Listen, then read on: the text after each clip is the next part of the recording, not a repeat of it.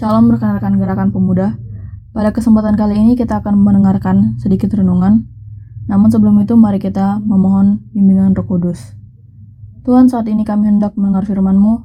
Berilah kami pengetahuan dan bimbinglah kami agar kami dapat bekerja sesuai kehendak-Mu. Buat kami jemaat-Mu, bukalah hati dan pikiran kami untuk mendengar dan menerima firman-Mu. Kiranya firman-Mu ini dapat menjadi berkat bagi kami. Amin. Keluaran 32 ayat 15 hingga ayat yang ke-20 menjadi bacaan Alkitab kita pada kesempatan kali ini. Setelah itu berpalinglah Musa, lalu turun dari gunung dengan kedua loh hukum Allah dalam tangannya. Loh-loh yang bertulis pada kedua sisinya bertulis sebelah menyebelah. Kedua loh itu ialah pekerjaan Allah, dan tulisan itu ialah tulisan Allah. Ditukik pada loh-loh itu.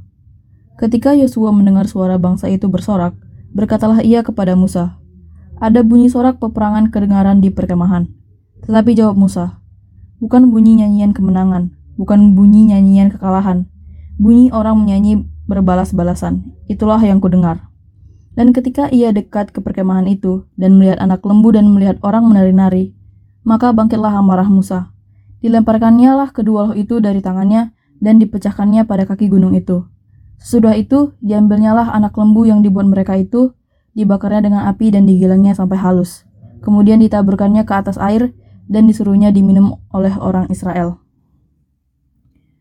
Judul pada renungan kali ini ialah ketika kenyataan tidak seindah harapan.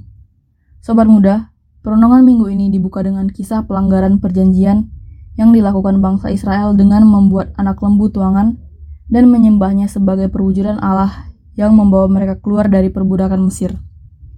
Semua mereka lakukan saat Musa sedang menghadap Tuhan di Gunung Sinai untuk menerima perintah Tuhan. Bagaimana reaksi Musa? Mari lihat dan berefleksi melalui kisah ini.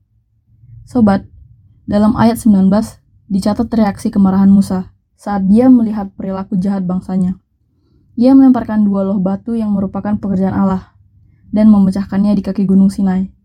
Tidak selesai sampai di situ, Musa membakar patung itu, menggiling sampai halus, dan menaburkan di atas air serta menyuruh bangsa itu untuk meminumnya. Semua tindakan itu merupakan ekspresi kekecewaannya terhadap tingkah laku jahat bangsa yang dipimpinnya. Padahal di ayat 11 hingga ayat yang ke-13, dicatat usaha Musa dalam meredam kemarahan Tuhan Allah yang hendak membinasakan bangsa yang disebutnya Tegar Tengkuk. Namun, saat dia menyaksikan sendiri perilaku bangsa Israel, maka dia pun merasakan kemarahan dan bertindak keras menyikapi situasi yang ada. Sobat muda, belajar dari perenungan ini, maka ada beberapa hal yang dapat kita petik yaitu pertama, kerap kali kenyataan yang kita jumpai dalam keseharian tidak seperti yang diharapkan. Ini realita. Sikap kita dalam situasi ini adalah tetap menjalani hidup dalam kesetiaan dan jangan menyerah untuk taat melakukan perintah Tuhan. Dua, marah adalah reaksi alami manusia saat menghadapi situasi yang mengecewakan. Namun, kemarahan tidak boleh terus menguasai kita karena dapat membuat kita bertindak tidak sesuai dengan keinginan Tuhan. Belajarlah mengendalikan amarahmu. Selamat berkarya, Tuhan memberkati. Demikianlah renungan kita pada kesempatan kali ini. Marilah kita menutupnya dalam doa. Terima kasih Tuhan atas firman-Mu yang Engkau berikan pada kami. Kiranya apa yang Engkau firmankan bisa kami tanam di hati kami masing-masing dan kuatkanlah kami untuk melakukan apa yang Engkau firmankan sesuai dengan kehendak-Mu. Biarlah perkataan-Mu menyegarkan jiwa kami, menghidupkan hati yang lemah dan lesu, dan membangkitkan harapan dan kasih. Berkatilah hidup kami, agar kami tetap dapat berkesempatan mendengarkan firman-Mu kembali. Bimbinglah kami untuk selalu hidup sesuai kehendak-Mu, agar kami dapat dekat denganmu. Amin.